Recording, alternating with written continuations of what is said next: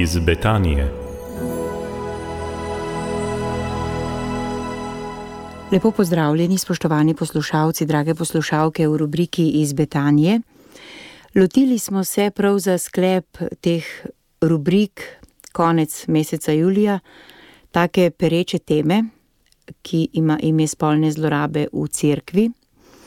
To temo odrivamo in pometamo pod preprogo, pa ni prav, da jo. Z menoj je Janez Cerar, Janez, lepo pozdravljeni. Lepo zdrav tudi vam. Vi ste eden redkih, ki ste se na tem področju nekako izpostavili, zato ste verjetno plačali tudi določeno ceno, ampak ne bi zdaj o tej vaši osebni žrtvi. Kako je šlo pri vas to od tega, da ste spoznali, da nekje nekaj ni v redu, do tega, da ste na glas povedali, kaj je to, kar ni v redu?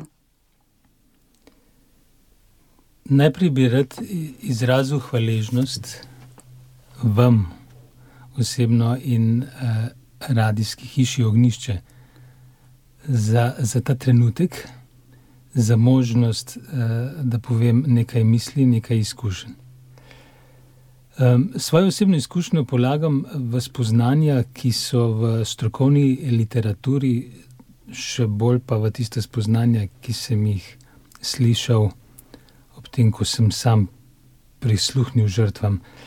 Namreč ta pot, da človek izrazi, kaj se mu je zgodilo, je običajno zelo dolga, traja kar nekaj desetletij.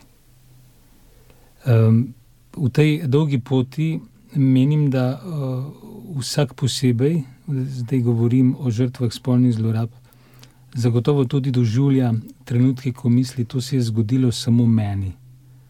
Jaz edini sem ta.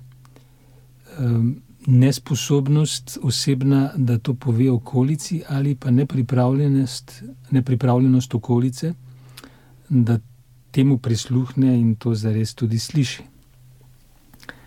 Ko pa pride do te osvoboditve, najprej osebne, potem pa še do spoznanja, eh, da človek ni sam, da ima najprej, eh, da je Bog ob sebi ljudi, ki ga podpirajo, potem pa tudi ljudi, ki so na lastni koži, na lastnem telesu, v lastni duši. Eh, občutili to neizmerno težo zlorabe, se pa seveda. Eh, stvar obrne na glavo, oziroma se odpre ena v svet. No, in potem, ko ste se za to odločili po tolikih letih, zdaj govorim zato, ker pravite, zloraba ni en osamljen primer, vi poznate nekaj žrtev, verjetno so žrtve, ki še nimajo teh nekaj deset let za seboj in še niso zrele za eh, glasno besedo. Kaj vi polagate tem ljudem, ki zdaj mogoče poslušajo in uh, se zelo lahko poistovetijo uh, z vami. Kaj naj bi bil prvi korak, da bi se stvari nekako osvobodile, da bi se sami odrešili tega, tega trpljenja?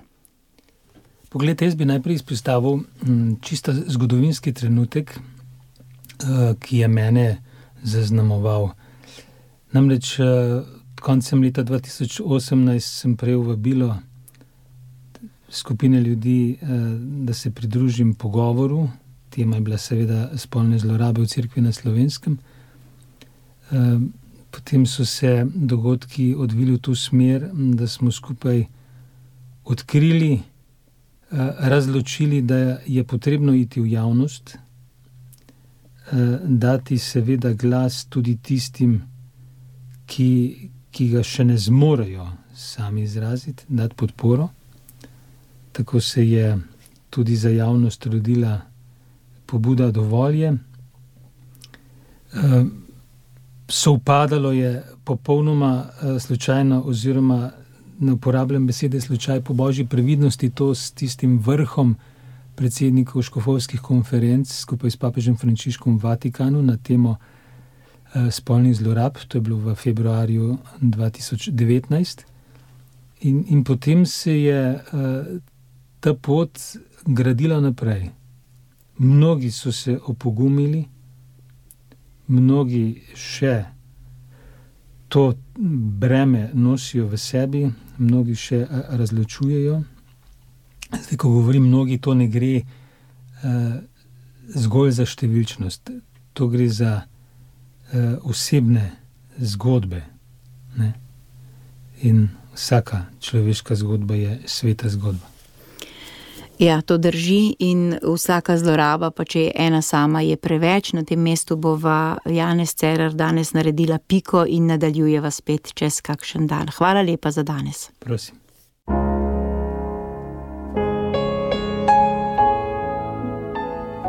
Iz Betanije.